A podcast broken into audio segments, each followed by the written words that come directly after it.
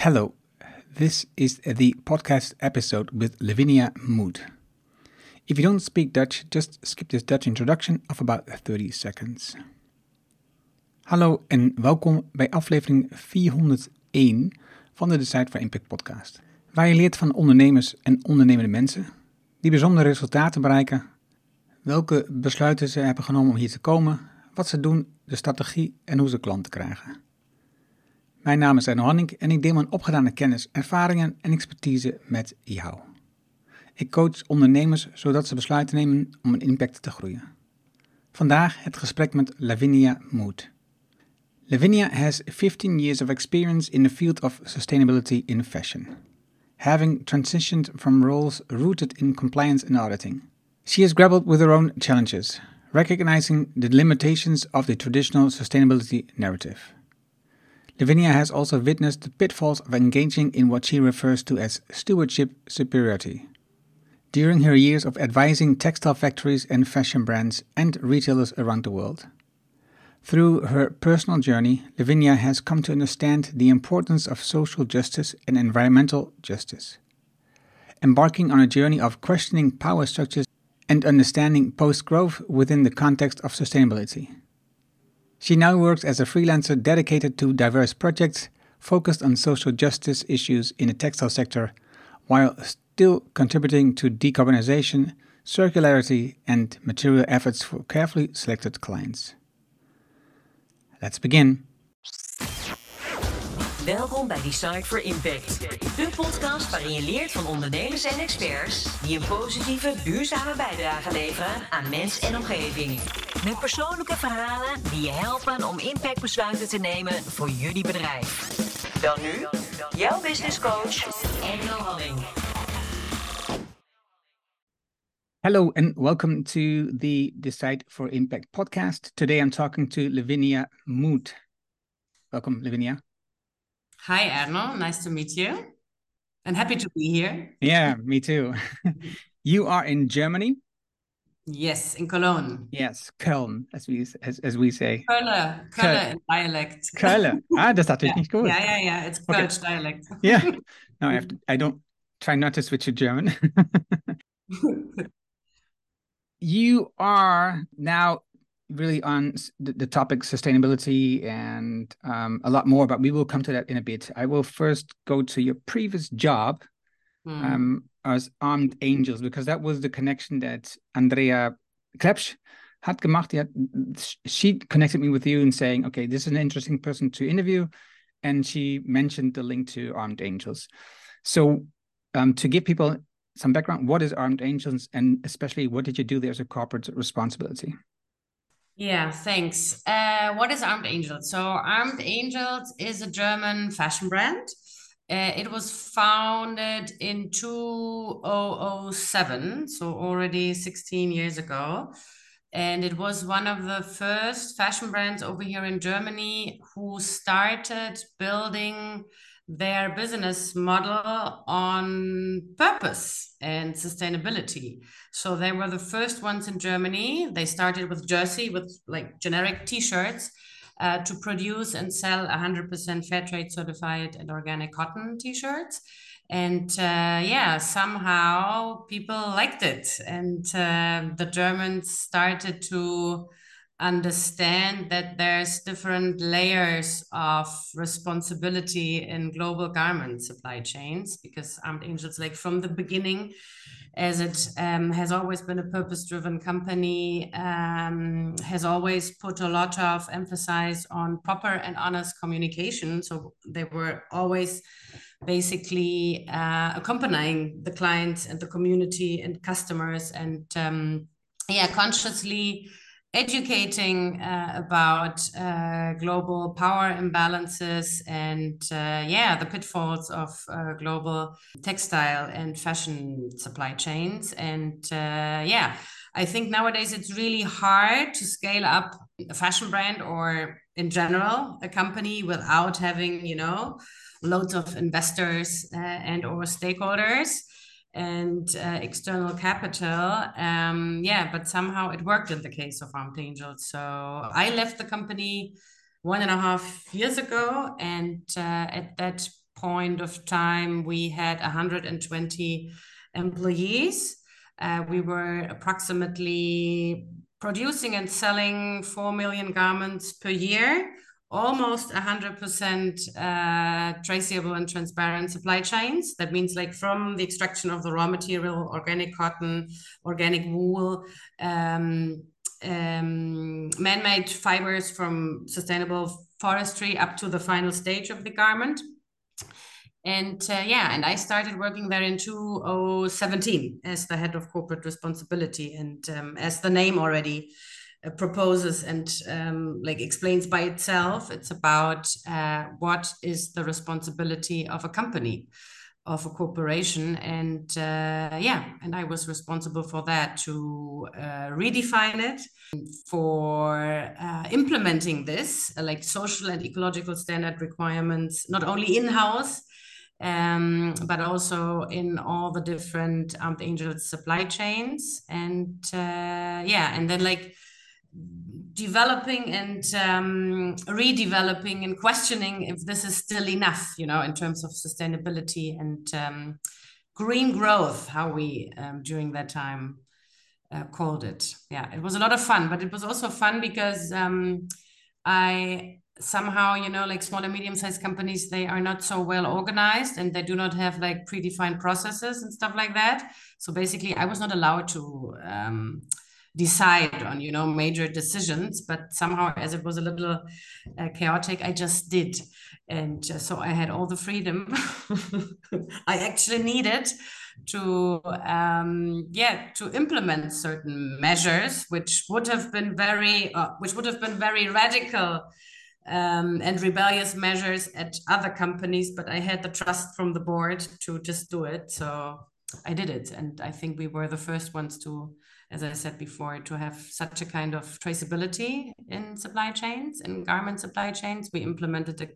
open costing scheme so that like labor costs are really leveraged and um, put in the product pricing. Uh, we had an own, like I founded an own organic farmers association. This is also super crazy in India, organizing uh, 700 small scale farming families. And uh, yeah, really crazy stuff like that, where like everybody in the corporate sustainability world would tell you this is not possible, not if you're so small and not if you have like a clear setup and strategy to super scale it up but uh, it is possible if you want it. Oh, there's so many. A lot of information. Sorry. Yeah. No. Then and there's uh, uh, obviously then this also uh, you know it pops up a lot of questions for me. So now I have to make sure that I try to um, get to all the questions. First of all, mm-hmm. so you reported directly to the board. Yes. In German, we say Stabstelle. I actually don't know how you say this in English. So basically, normally you have like a, a, director or a head off, and then you have like the people below, like different hierarchy levels. But my position was like a Stabstelle. I was like flying around like everywhere, and I only had to report uh, to the board. Yeah, which I did not always do, I must admit. But uh, yeah, I, we all need to become little activists. So. So now the cotton thing, right? So because uh, one cotton is, is a lot used in, in the products that that they sell. I also saw the website is we also they also sell to the Netherlands because they have there's a lot of pages in Dutch, so it's pretty clear. Mm-hmm. Um, I've had a guest before here on the show who talked about because they um, have uh, Yumeko um, who sell fair. Uh, now I don't know the name in English. Dekbed like home textiles? Yeah but for for the bed so that it is yeah, like Bettdecken. yeah uh, yeah good question. um, it doesn't matter. yeah yeah. Because of course it, it's about the feathers that are inside uh, but also about the cotton that they use. Mm. and it is pretty what i understand pretty difficult to get like really fair traded cotton. It's impossible. uh, okay it's not only difficult it's impossible. That's one thing right? So um what I saw on a couple of documentaries is that it is very difficult to get um, fair fair pay to people. There's a lot of female and even children that are used in plucking the cotton, and because they have these small hands, Um, because of drought, uh, the, the, the amount of cotton that is coming from the flowers is smaller, so they, they need smaller hands. That's what they at least say. Um, it uses a lot of water, cotton, um, the plants. Yeah, that's some fake information. That's some misinformation circulating. Yeah, yeah, yeah, around. Yeah, the thing is, like cotton is actually it's a desert crop and it actually uses less water than soy and wheat and most other vegetables. Um, the thing about cotton is that um, when we introduced BT cotton, gene modified cotton, uh, 20, 25 years ago, uh, we obviously, and monoculture crops, obviously, uh, we uh, started, um, well, using a lot of synthetic, toxic, and hazardous fertilizers and pesticides. And um, that all, like, obviously contaminates uh, ground, um, the the groundwater, and that's actually the problem. And that's why droughts started happening and the yields went down and so on and so forth. But actually, cotton is not a plant which needs a lot of water. What happens is if you do um, bad um, or if you implement bad um, agroecological methods and bad uh, methods of uh, you know um, agriculture um, you destroy um, the soil health and um, yeah but like for the end consumer in marketing and this also has to do with the fossil fuel lobby because that's where this fake news comes from you know that cotton uses a lot of water and it's actually bad for the environment. Please use more polyester extracted from raw oil. That's where that comes from. Um, yeah, it doesn't need so much water. But water stress and scarcity because of climate crisis and climate change obviously is a problem also uh, in cotton agriculture.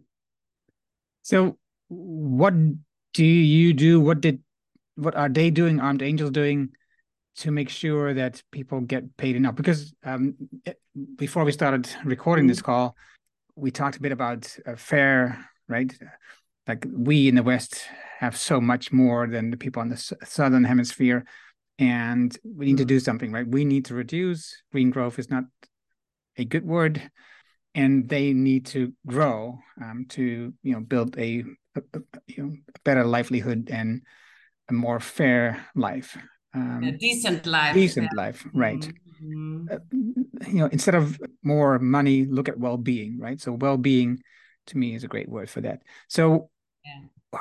how do you do that because like you just it is impossible but how do you then do how do you deal with that well, I always say when it comes to sustainability measures and strategies, um, place dictates strategy. So you cannot implement uh, the same fair labor practices in, I don't know, or on cotton fields in Burundi or Mali. Um, uh, and in India or Pakistan because every place in the world works differently. Communities work differently, culture works differently, the soils are different, you know, markets work differently, um, the socio-economic structure, demographics um, are different, and so on and so forth. So um, you have to check what's going on, uh, you know, on the field. uh, in this um, demographic zone, right? So in the case of Armed Angels, we had the traceability of our cotton supply chain, but then we were asking ourselves, okay, why is there only 1% of global cotton sourced and uh, cultivated organically? And we digged a little deeper uh, deeper sorry and then we basically realized that the, there's no business case for organic cotton. Because imagine that um, a farmer who cultivates and farms and harvests organic cotton nowadays receives 3 to 5% premium on the kg of cotton. 3 to 5% nothing. And then you have to realize that the yield of organic cotton is almost half of the yield of generic cotton. So you are harvesting less, but to do like putting at least the same amount of work into planting, into harvesting, blah, blah, blah, blah, blah. And then you only receive three to 5% uh, more for the kg of cotton. Like this calculation, you know, doesn't add up and um, yeah and then we realized okay we somehow have to try to make it better. But this was obviously an experiment and that's why we basically started an own it's called internal control system which are like small corporates or corporations in the bigger organic certified corporations. So we started helping farmers to test and check and analyze with uh, locals on the ground who are specialized in cotton. So nobody from germany came there and told them what to do. Um, it's this is also very important to because the people on the ground on the ground know their land you know um, and they know how to um, how to properly and sustainably and um, in the best case scenario regeneratively treat the soil and the communities treating um, the soil so we started this experiment and we helped them by giving certain monetary incentives transitioning from conventional cotton to organic cotton. Uh, with the help of drip irrigation, with the help of um, field officers being specialized in cotton. And we already paid them in the transition phase an organic premium higher than 3 to 5%. And additionally, on top, we paid them um, the fair trade premium, which is on the kg of cotton 15 euro cents that's why I'm saying fair trade cotton is impossible because also, I mean, I'm not here to talk bad about the fair trade system, but at least what I can say is um, in the case of cotton, it doesn't work and it is not fair because the fair trade premium is not enough um, to guarantee um, a more decent life and an actual better income for farmers. Since it is a difficult product for us from the west to you know to use because it's it's it's it's it's done over there. We don't pay a fair price mm. on the West. They make garments over there. They don't get paid fair most of the times, like ninety nine percent of the time. Isn't it maybe then wiser that we use a different material that is available here locally in the north? Yeah, maybe, but there is no material which could cover the volumes, um, you know, of textile yarns and fibers needed uh, for production. Um, Maybe, yes. I think we, anyways, you know, when we have a look or when we think about the climate crisis, when we think about clothing in general, how we consume, how we overproduce, how we overconsume. I mean, there's a lot of things we can and should do. Uh, first of all, well, consume less. That's a good start. Um, and then obviously and definitely we need to think about certain substi- substitutes um, in terms of you know regenerating soils and so on and so forth and like substitutes in terms of uh, like smarter and more innovative materials. Um, but on the other hand so i'm basically a cotton advocate I do believe in cotton because I know it can be grown in a pretty sustainable way. And it has been grown for centuries um, in pretty sustainable ways. And it's an awesome fiber. It's really, it's a natural fiber. And um, I see this whole development of, you know, uh, materials like more or less bio-based materials from supposed to be GMO-free corn um, you know, being the substitute or alternative to cotton.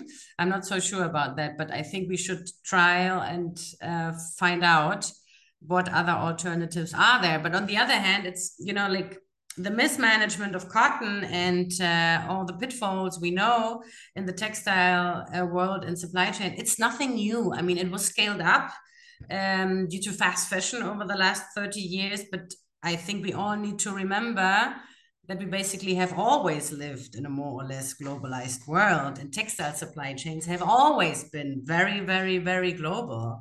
You know silk has always been you know traded from china and southeast asia you know already a thousand or a thousand two hundred years ago you know? Um but like the way we conduct industrialized production that's the main problem. And I think most of the shit show uh, started uh, with colonization. You know, it was then when you know the Brits, you know, stole the white gold from the Indians, you know, and brought it for free, you know, to the UK. And then they invented the steam engine, you know, and then the spinning mills, you know, were first uh, in the UK, but they were stealing the gold, you know, the white gold, uh, which was cotton at the time. And then when we have a look at the US and cotton cultivation over there, I mean, it's it's aligned and goes hand in hand with slavery.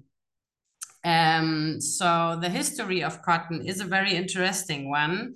Interesting, she says it. And a very yeah, and a very sad one. So yeah. I think I think and do believe we need to make it right, and we need to really think about reparations and restoration. Um, also, when it comes to cotton, so um, yeah, I think we can and should do a better job there. mm-hmm. So that this company started with um, sustainability with fair cotton in there as a, as a you know as the foundation for the business, right? Mm-hmm. So, mm-hmm. but of course, you need to make a profit as a company, otherwise you cannot survive, right? You need mm-hmm. to make money and make That's profit, correct. otherwise. Yeah. So how do you deal and i know you're not the owner but you can at least um, share the feelings that you had when you were there how do you deal then with at some point when you start um, attracting more customers mm-hmm. and you need to expand your cotton um, extraction mm-hmm. uh, in a fair way um, and you know everything becomes more and more like you just said you, we should just buy uh, consume less right so um, buy secondhand clothes, for example, instead of just buying new ones every time, or repair the clothes that you have. So, how do you, as a company, uh, when you have, because I think that's an interesting struggle. What I always see is, on one hand, you you you believe in sustainability, you want, and you know, the most sustainable um, sustainable product is the one that wasn't made, right? So, the most sustainable car is the one that isn't produced. The most sustainable clove is the one that isn't produced. So, you just buy secondhand because then you don't produce anything new. So how do you do that when you and, and your role is I think very interesting um, looking at profits and growing your company and you know scaling like armed angels were are and at the same time thinking okay how do I make this more sustainable mm-hmm. well first of all everybody needs to realize um generic like let's talk about the basics you know sustainable like implementing sustainability um, on company level and certain accountability is not costly. We talk about management systems you know we talk about traceability and transparency. We talk about um, higher costs of um, materials and also in production but it's almost never more than 20% so it's actually doable. It's not a case where you would say oh this is not possible okay and in the case of Armed Angels, as this has always been their purpose, and as they started uh, as an online business, margins obviously are higher with an online business. And afterwards, you know, they started um, also selling to retail. Um, they have always uh, and very intelligently uh, calculated margins and have always uh, kept the margins pretty, pretty, pretty short.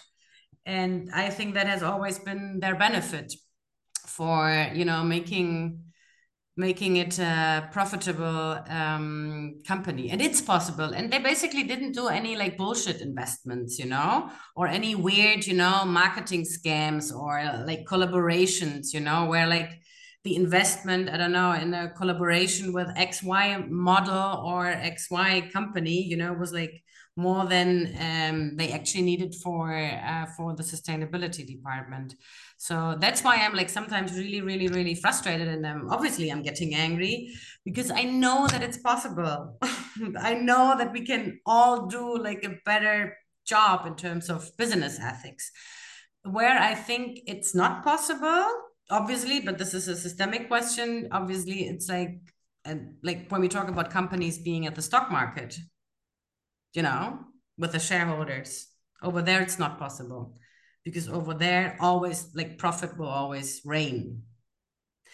Um, but like if we talk about the private sector and small and medium sized uh, companies, um, it is possible.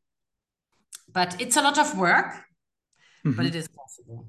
How do you, how did they, um, and how do you think about it, take care of, for example, when some big company comes along with big pockets and they would buy armed angels? How do you, how do they take care of that?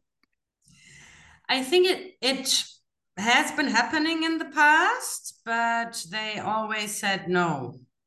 I don't know how long they will say no because you know at one point um, you know in life most people fall to money you know if it's enough and i think it also has to do something with the fact that for now uh, or until today i mean now we are in a global recession uh, we have to see you know um, how all of this um, or how far all of this goes well um, because they have always been profitable. You know, I don't know what happens when they have red numbers, what the board or people, you know, making these decisions um, might decide then. I'm a bit worried about that, obviously, because I know, like, I have seen a couple of um, takeovers uh, in the last uh, 18 months of like actually like really cool startups who also like really try to be sustainable uh, for example, erlich textil, it's also like a sustainable pioneer for uh, underwear in Germany. They were bought by a big company, and basically now they are shut down because they are not like they're not going to keep the program because the bigger company decides, well, this is uh, you know not profitable enough for our company. Then Organic Basics, you know, uh, was bought I think 18 months ago. Uh, and this never goes well you know yeah but i'm a communist by heart so obviously i get angry and frustrated and uh, you know whenever like a big private fish comes around the corner and you know eats somebody else up you know like the little warriors obviously i do get really sad. Yeah and at the same time of course um it's of course they also then break as a business owner who has a good mind they break for the money at some point right? So i also wonder why do you do that? If it's if the sustainability is really something you stand for why do you sell out and do this or sell? Yeah but i think in a lot of cases also like false promises are made you know during negotiations. I i pretty much i'm pretty like convinced of the fact that during these kind of negotiations like the big fish uh, you know it's kind of like promising verbally and oh we are going to scale it up. We've got you know the capital. You're safe with us. You started you know with a good mission and we are going to help you. Don't worry. Um, but then you know these are like um, yeah the false promises we actually know from like really bad hollywood movies you know about business Oh, you mentioned Green Growth. That was something they used in the beginning. Green Growth is a is a quote is a is a word combination that now people use to make us believe that the only way forward is growth. If we want to make a sustainable, we have to grow. What is your opinion about that part? Uh, it's also the reason why I left Armed Angels because they were still believing in green growth and uh, I got offered a job, like more or less like being part of, you know, like the board, and negotiations were not so easy. And then I realized, okay, there is this thinking um, and this philosophical mindset um, that they are like really convinced of green growth and that this is the way, and like there was no like no no possibility to like like start a conversation and like opening up a little bit you know and you know eventually like taking a step back and like trying to get another perspective you know on the industry and on the global economy. So yeah that was the reason why i actually left because um, i was about to implement like a pretty radical degrowth strategy but i realized that uh, this will never get through the board. Then i left. So yeah obviously uh, I do criticize green growth because I don't like, I think the world, the globe, humanity is at such an emergent uh, stage um, that we are not even allowed, you know, to to push um, supposed to be green growth. We definitely, definitely, definitely need to radically reduce everything we do. so uh, yeah, I don't think there's any there's any other way. I I I don't know how actually, and I'm I'm really like I'm also I mean at the end of the day I'm also an end consumer, right? I do also consume, so I I am one of these persons. I I am pro eco dictatorship. I think it's okay to to tell me that I am not allowed to fly so much. Like if tomorrow the German government would tell me, I don't know, you've all like I don't know, you traveled so much over the last 15 years. Uh, you're not allowed to to fly for two years? Well then that's my part what i need to do and i totally get that. And i don't understand why other people don't get it. They believe they have a right. Exactly rights. Let's talk about rights or not. Oh let's first about duties. Let's talk about duties. Let's first go to this this post growth or degrowth. Mm Mm. Uh, which, of course, uh, two um, difficult terms because the word growth is still in there. But how do you, what do you get from people when you talk about degrowth, for example? Everybody's interested, and that's really cool. Everybody's interested. It's uh, it's like the trending, the trending buzzword right now. I think uh, what is missing is obviously like um, the practical the practical setup, right? So whenever somebody asks me, okay, Lavinia, but what would would you have done in the case of Armed Angels? How would you have done it? And then I always say, well, I don't know if this would have been working. I, I have no idea because it would have been an experiment. But in the case of Armed Angels, I think it would have been possible because um, the company was profitable. There were some savings, so this was safe and with a proper setup, I have always said that I do believe it's possible. So, what we should have been doing is like calculating what um, social and ecological impact scenario each and every product has, and then the product portfolios. And then, in line with the Paris Agreement or whatever other agreement, we could have calculated how much we are actually allowed to produce for, let's say, 2024 and if this would have been, I don't know, 2.3 million garments, we would have needed a strategy. And if we would have produced and sold 2.3 uh, million garments um, middle of September and not end of the year, December, there wouldn't be any reorders. You know, there wouldn't be any new bulk production. That's what we produced and that's it. And then obviously a company has to become creative has to become creative in the sense of okay how do i pick up my community? What other business models are there? Can i rent and lease resell whatever you know? Um, and i think it is possible if you have uh, a clear vision a clear mission if you created uh, a cool community of people um, talking about you know different stakeholders and or shareholders eventually i think it's possible. I think an interesting question that i use more and more is what is your enough? Yeah. So you could of course calculate what is maximum that you are allowed to but then of course if you if you are the only one company who is um you know sticking to the number and the other ones who are not then it's not working. If if there's a number for how many garments we could sell in Germany in a year, and this would be, of course, divided to all the companies in Germany who sell garments, everybody has to stick to the number, and that's going to be not easy. Yeah, of course, of course. I mean, everything would have been like or it, it should have been like in in line with the science-based targets. And obviously these things can only be realized you know in a collaborative approach. But like for example in the case of armed angels i mean let's be realistic you know? They're still a small and medium-sized company. Uh, the slogan is made to make a difference. But if we talk about global volumes of textile production what they are doing they're not doing making a difference. Obviously not with the 4 million pieces.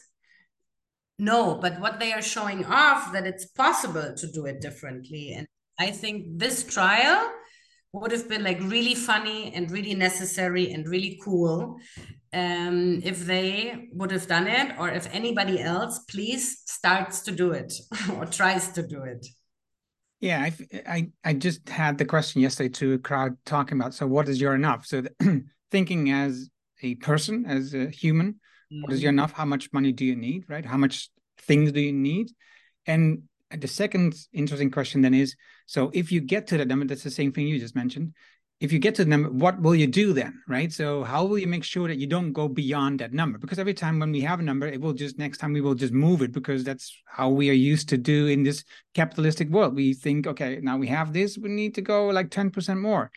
Yeah. So if you add the number, so what do you do? How to how to stick to the number or just stay below the number? And that's for a person. You could do it for your, your income. You could do it for the company. You could do it for a number of employees. You can do it for profit you can ask this question every time. So, how much profit is enough? How many people are enough to work in this company? How many um, revenue is enough for us? How many um, garments are is enough for us? Right. So, I think all these questions are very interesting, and especially like you just mentioned, if we get to that number, what do we do then? So, how we how will we change the business? Right. So, I think that's interesting experiments, or in, at least thought experiments that we think that we should start working on because I think it's really totally. important.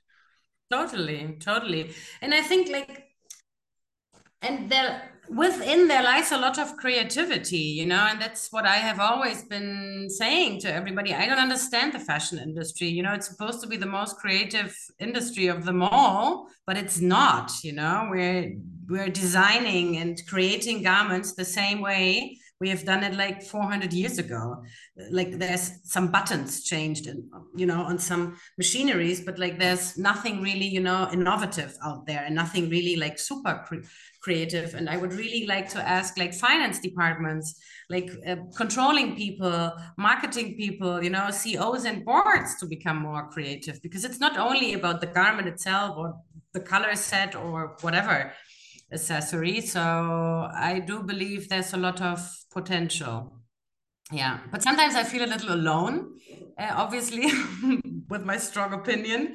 But um, yeah. That was the next part I was going to go to because you have now your company Unsustainability and is between um, brackets. And you talk about this topic. You're a consultant, provocateur, educator, mentor.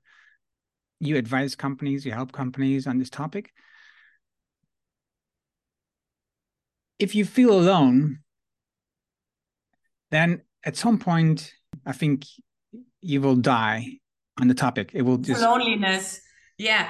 No, first I get frustrated and burned out because of my own frustration, and then I will die sad and alone. No, but only sometimes I feel alone, but I know I'm not alone. No, but I and I agree. I think it's really yeah. difficult. Um, so so to what do you do to make sure you don't get burnout on this topic? Mm. Mm. Yeah, a lot of people ask me that, and um, yeah, I think I am very lucky um, because I am like I really do like what I am doing, and I can work a lot. you know, I have educated and trained myself to work a lot, but I think I also like I I am able to do all that because I grew up like very privileged, you know, with a lot of um, comfort and luxury and like very well education um, and so on and so forth. And that's obviously also the reason. I mean, only because like you and me, we were born, you know, in this geographical zone, you know, we belong to the 2% of the elitist, you know, community in the world. So hope is a privilege and i'm so thankful you know um, for that. Um, i'm doing a course on um, decoloniality and like decolonizing the sustainability movement with a beautiful um, crew and ngo called possible futures. Um, and I learned over there that, well, first of all, hope uh, is a privilege. Um, and many, many, many extinct communities who have been extinct, you know, due to mostly our lifestyles in the last uh, 100 and 200 years, they did not even have the possibility to have hope. You know, over here in the West, we are like, you know, Fridays for Future, we've got hope, we're going to save the planet. Um, so I think that is one of the reasons. Um, because um, I think, like, if you're thankful, you know um having all this privilege um yeah it's it's hard to get exhausted at least in my case obviously sometimes i'm exhausted everybody's exhausted sometimes but um yeah i'm i do not have to struggle for my survival mm. but but do you are probably one of the few people who really understands that part because most people think they have rights to fly rights to drive a car, rights to drive on gasoline because that's what they believe is their right, right? So mm-hmm. how can we help to make it interesting for other people? How can we help other people to have that same feeling that it is a privilege to have hope?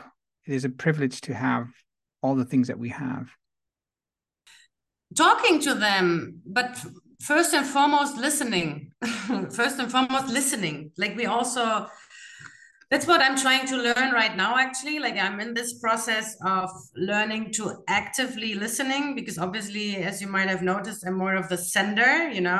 I have a lot of opinions and blah blah blah blah blah always like externally communicating. But now I'm realizing, okay, Lavinia, you're you're like in your mid 30s, you're doing a little bit of political and advocacy work now, you have to actively listen to people.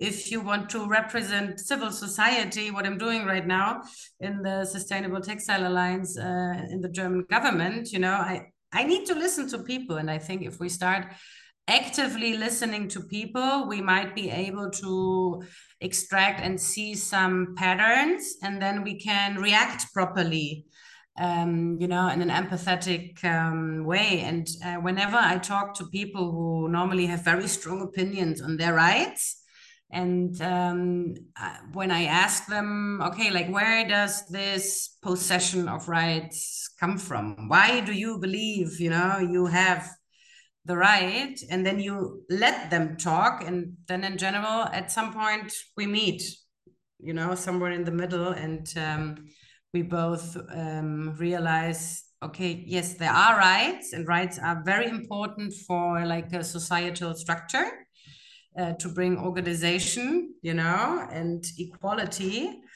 But um, in some cases and in some very emergent situations uh, maybe we should not uh, you know stick to our rights or you know that we always conduct our rights because um, at the end of the day, everybody agrees with the fact that nobody has the right to destroy anything. And that's what we are doing constantly and pretty consciously as well. right? like everybody knows nowadays, eating too much meat, you know, is equal to emitting, you know, more carbon dioxide uh, into the atmosphere than we should actually be doing. Everybody knows that. We all know that. And we don't have the right to do that. I don't know how you feel it. I, yeah, I think it's the same with driving a car or something like that, because we all know that burning fossil fuels is bad for us or exactly. Uh, just buying more products. We know that it has a lot of impact on the things that we do on the rest of the world or on the ecology and we still do it. Yeah and the funny thing is that the solutions are out there. We actually know what to do but obviously this is um it's more than a mind shift. And it's also i i do believe i do believe it's even more than a system shift. It's a cultural shift you know? But the solutions are out there. We need to redistribute certain capital and the solutions are there you know? We know how to um, reform and improve urban design.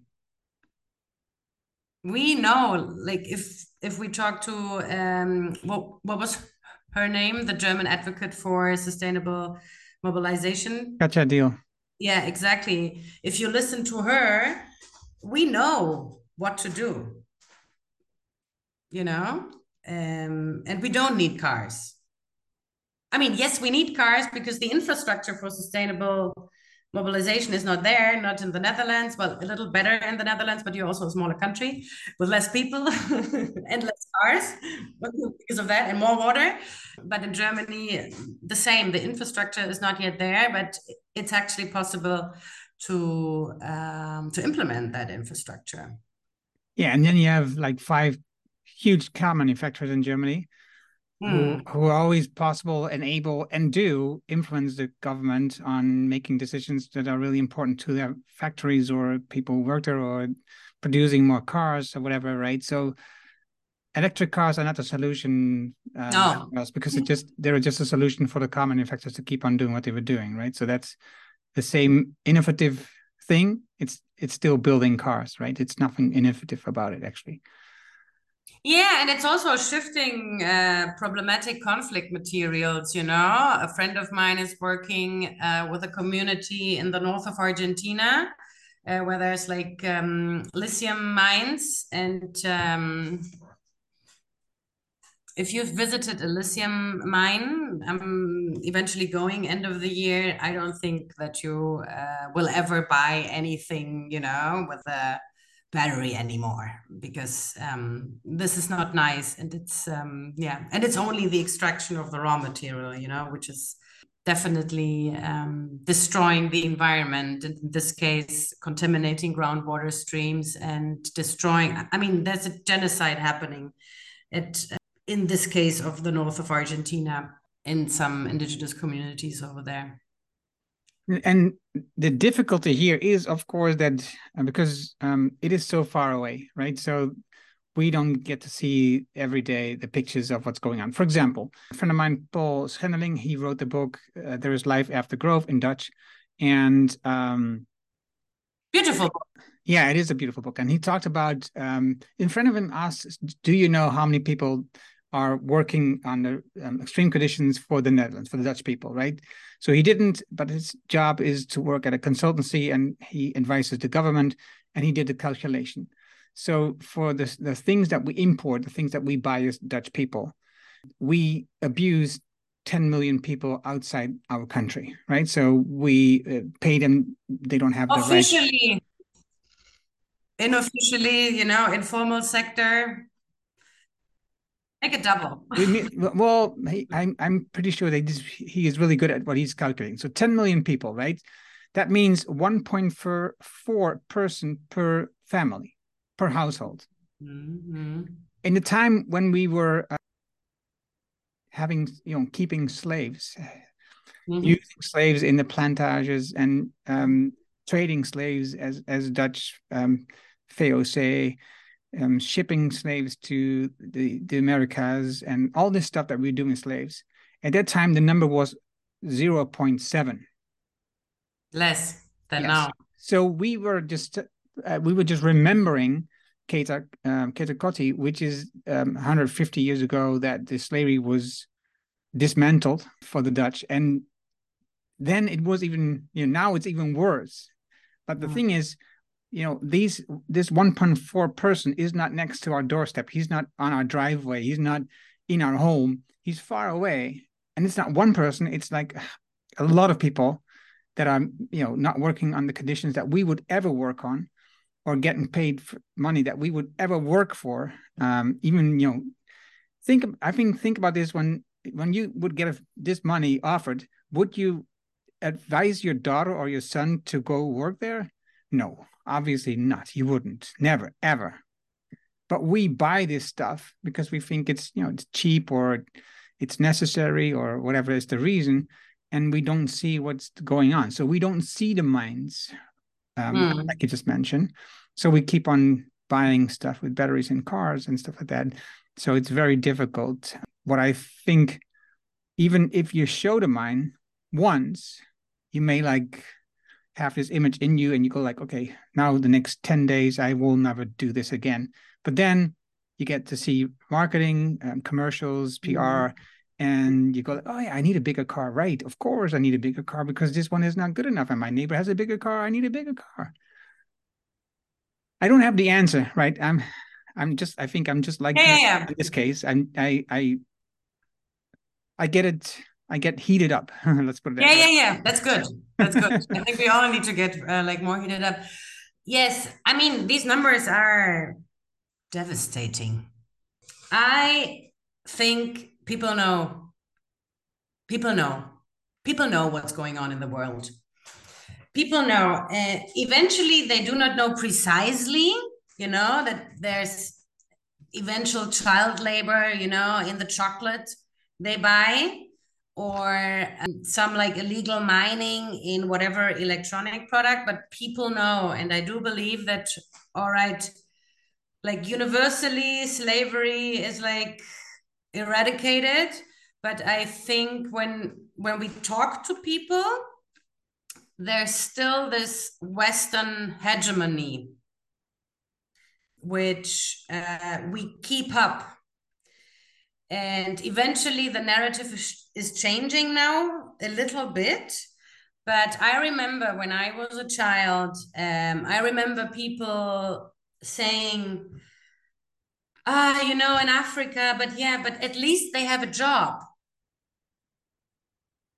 You know and this is like like i heard like that all the time. And i think this narrative uh, is still used and it's still used by a lot of companies. And unfortunately this is also a narrative used in the sustainability movement.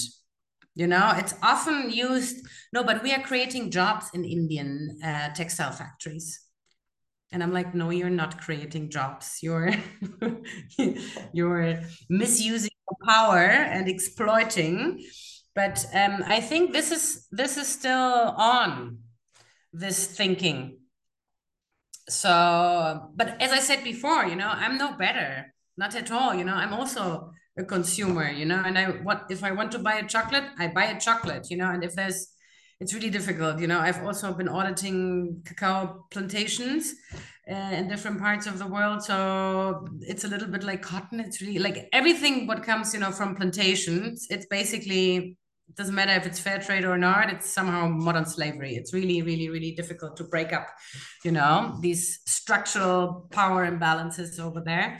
Um no but i'm telling like i'm no better obviously because um at the end of the day i'm an end consumer and i do consume um right? And uh, that's why i always think i know what's happening and i'm really ashamed of the systems but i i'm pretty sure that most people actually know what's going on. Well, and, I think you and I are even more aware, and still we we we buy, we buy less, yeah. but we still yeah. buy, right? Be more aware, but we still buy, right? I eat chocolate. Yeah, we consume, yeah. Yeah, I consume a lot less, but I did the calculation of my personal footprint, and mm. it was mm. it was two point two earths.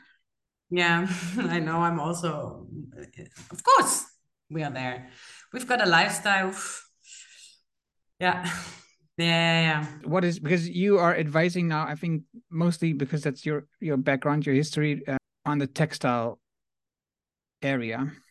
Yeah, I always want to quit fashion because I'm no fashionista. I'm actually like I'm not interested, you know, in like design and like nice clothes. But somehow, you know, I ended up in the industry because it's such a mirror, you know, of everything what's going wrong, like economically and also politically um, yeah, I always want to quit, but here I am. Yes. And now I realize, okay, there's a couple of years of experience and I've got a good n- network. So I'm still here. and I, I think it's important because um, if, if people like you don't fight for it, uh, even less would change, right? So I'm not saying nothing is changing, but you know, um, there is change, and I think that's important. So even if you're not a fashionista, I think it's important to change this business, this um, this world. And what is a question that you get a lot from companies that come to you? Mm, I'm often asked, like I often receive um, emails requesting help with um, strategy setup, you know, impact strategy. I'm not such a strategic woman or business um, human being. I really like to get my hands dirty, you know, as we say. So I do like the operational work, you know, I do like to be on the field. I do like to be in contact with suppliers. Um, that's what I uh, like. But um, almost everybody is concerned with strategy.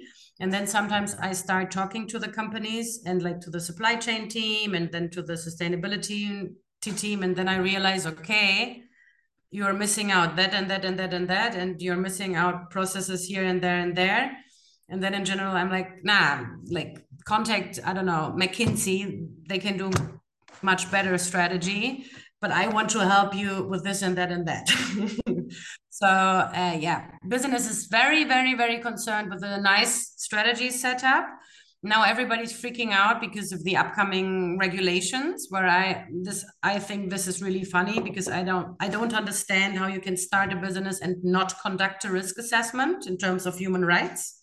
How dare you start a business and do not evaluate the human rights the human right risks in your supply chain? That's like the least of responsibility i do believe uh, we need to you know expect from from companies producing products and having you know like global supply chains or even in germany you know even in, in germany there's cases of modern slavery if we talk about agriculture. Um, yeah and then everybody's you know in this carbon tunnel vision. So if we talk about environmental problems and challenges uh, it's only carbon and then sometimes i ask but like do you know what carbon is like do you really understand the calculation behind the carbon equivalent and then it stops you know and um, people even companies and professionals in our field, they equalize uh, carbon emissions with energy,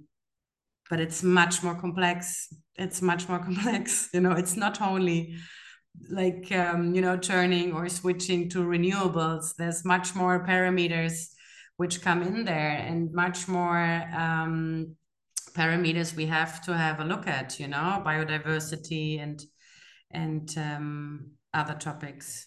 Yeah. Soil, plants, and the insects, and there's a whole lot of stuff going on. Yeah, yeah, yeah, yeah, yeah. Totally, totally. So yeah, in general, like um, I get a request, and uh, then I talk to the companies, and I always end up doing um, different stuff and I'm doing a lot of educational and mentoring work, which I didn't have planned in the beginning because I was not sure about if I could be like an educator.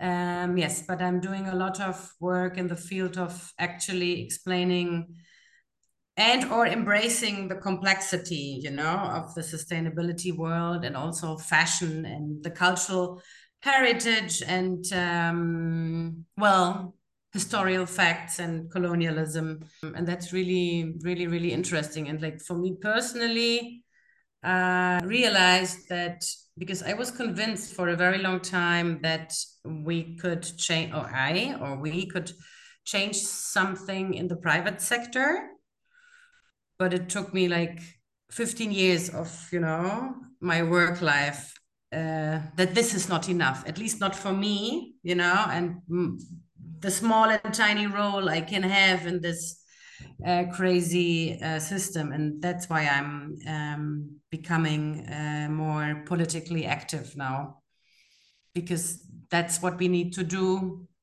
We really need to shit on the tables of um, the politicians and like really, really, really um, provocate um, the economic lobby.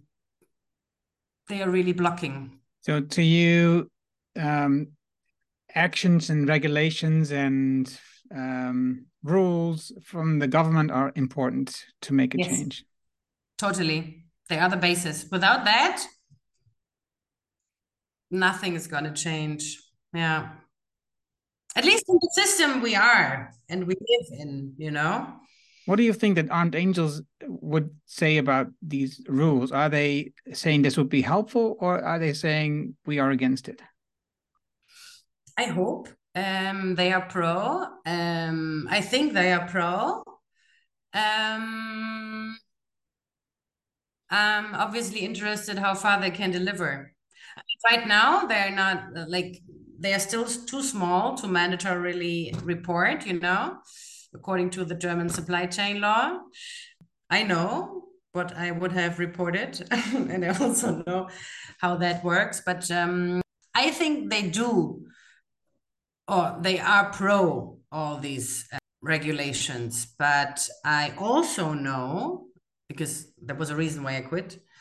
Uh, I also know that in terms of certain major and radical changes, they would not go along with certain changes I think are needed. mm. Okay, so let's start with a ban on flights up to like 600 kilometers, um, something like that. Yes, already 10 years ago, please. Yeah. yeah. Yes. Yeah. Yes. By the way, I love um, how Germany made a start with um, the train tickets, lowering the prices for the train tickets so people could use the train more. Yes. That's a that's that's Finally. a good movement, right? So so there's a there's there are good things happening supported by the government yeah, I think also on degrowth, there's a lot of things that we need to talk about too in the Netherlands, the same to the government. So Postgroei is like an organization that is uh, wants to have like this this new narrative, these new ideas, how we could tax the products that are doing the bad things. I'm I'm looking for words. Yeah, emitting uh, a lot of. Uh, yeah, you know, emitting a lot of carbon, but all everything else that what they're doing wrong. Um, so and then also in a way that the more you earn, the more taxes you need to pay, and at the same time lowering the taxes on labor so that um, mm-hmm. labor becomes cheaper and you are more um, driven towards um, Fachmannschaft. Uh, yeah. so so that we yeah, like are professional or technical educated. Um, yeah, yeah, so we are, are being more driven to repairs, for example mm. um, and not buying new stuff which is produced somewhere else, like in China or India or wherever. What they are doing is um, trying to get this idea on the table of all the decision makers in the Netherlands by 2025, so that for the next election, people know what's going on, and hopefully the next election will be until then, because otherwise it's going to be pretty tricky to get it on every desk. Um, but oh, that's yeah. that's our. I think these are good movements that we need to work on, so that the post growth ideas will um, stick with these people in the heads and think about new ways how we can organize life focusing on well-being instead of welfare and not just in the netherlands but for the whole world right for the whole economy and everything is there anything that you want to add lavinia mm, we covered so much i know i know and i could like keep on talking Oh, I have one more question. I would need like a cold beer, but uh, I have a question. Uh, you yeah. have an open mistress class, as you call it. You have like, oh, yeah. the free exchange of unstable for students. What do you do? How does this work? Yeah. So basically, like the reason why I implemented this was out of like pure egoism. Let's put it like that, because I want to be available for uh, young people, you know, for student interviews interviews or for other people and then like uh, when i became a freelancer and self-employed at one point i ended up giving interviews for free like eight to nine hours per week you know and now it's like the pressure you know it's so romanticized being a freelancer and self-employed because like i realized the pressure of generating income is much higher than being an employee because we're still in the same system right so uh, basically, the idea was I want to be available. I want to support everybody who's out there, but I need to accumulate my energies. Uh, and that's why um, I have uh, yeah opened up this free space. It's um it's a Zoom. It's basically an open Zoom call, and whoever has any kind of question or critique or query or wants to conduct an interview uh, can always join me uh, from 2 to 3 p.m. Fridays, 2 to 3 p.m. CET. And uh, yeah, obviously I called it um, Mistress class and not master class because I always say who has mastered anything in sustainability yet? We all know that you know this this huge knowing doing gap and um, yeah on the other hand you know uh, when I hear the word master, I always have to think, or I do align it with, you know, slavery and the slave master. And uh, as I'm a woman, yeah, I called it open mistress class because for me, it, you know, it seemed like it was a little more empathetic. I think people are confused and don't know what's going on there, but uh, yeah, I just keep it that way. I, I like the idea. I, for me, it was pretty clear, and I liked also the ah, the, the play with the title. I, I think it was really oh, nice. beautiful. Yay! I think it was a great addition. So let's um let's stop here, Lavinia. I think that we have we could we could talk for a long time about this topic. You are very yes. passionate. I am very passionate about this topic. Thank you as well, dude. yeah, yeah. So and I think that's why I have this podcast because I want to talk to people like you and learn. Like I learned a little bit now about the garment industry, about textiles, about mm-hmm. cotton. I learned that mm-hmm. cotton, the plant itself, doesn't use a lot of water because it's it's a desert mm-hmm. plant. Um, I learned that you can build a fair uh, supply textile, chain textile company. You can build yes. a fair uh, clothing company, of course, and, and it doesn't cost that much more, um, which no. I think is an interesting point to know. And of course, uh, there's a lot of things that you confirmed that I that it's already what I know, but I think these are the points that I really learned about the textile industry and how you use um, your corporate responsibility role from ArmedAngels. At some point, were like frustrated. Now you use the same ideas, what you've learned in history from the past until here um, in your job now as a as a as a private consultant, as a private um, freelancer. So um, thank you very much, Lavinia. Thank you, Erno. That was a lot of fun. Maybe we can do it another time. yes, I agree. I agree. yeah. Dat was het mooie gesprek met Lavinia. Je vindt de namen en links die we noemden in het artikel dat bij deze uitzending hoort. Ga daarvoor naar de site voor impact.com slash show 401. Wil je vanzelf automatisch de volgende aflevering van deze podcast op je telefoon ontvangen? Dat kan heel eenvoudig. Heb je een iPhone? Dan zit daar standaard de Apple Podcast app op. Open die app Zoek op de site voor Impact Podcast en klik op abonneer. Heb je een Android-telefoon? Installeer dan eerst bijvoorbeeld de Player FM app. Open die app. Zoek de voor Impact Podcast op en klik op abonneer. Dankjewel hiervoor. Heb je vragen, opmerkingen, reacties over deze aflevering met Lavinia of over de podcast in het algemeen? Stuur dan een e-mail naar podcast@decideforimpact.com. Ik hoor super gaaf van jou. Wil je leren hoe je focus en energie vindt met jouw innerlijk kompas? Hoe verbinding in je team het verschil maakt? Hoe je vertrouwen krijgt in je collega's en hoe je een moedig mens wordt? Download dan het boek Impact Besluiten, waarmee je nieuwe medewerkers aantrekt op de site voor impact.com. Dit is mijn nieuwste boek en daarom download je het nu helemaal gratis. Je hebt zelfs geen e-mailadres nodig. Vraag jouw boek nu aan op decideforimpact.com. Ik weet het een volle agenda, je leest het in één avond tijd. Dankjewel voor het luisteren en graag tot de volgende. Dankjewel voor het luisteren naar deze aflevering van de Decide for Impact podcast. Ga voor jouw volgende stap naar decideforimpact.com.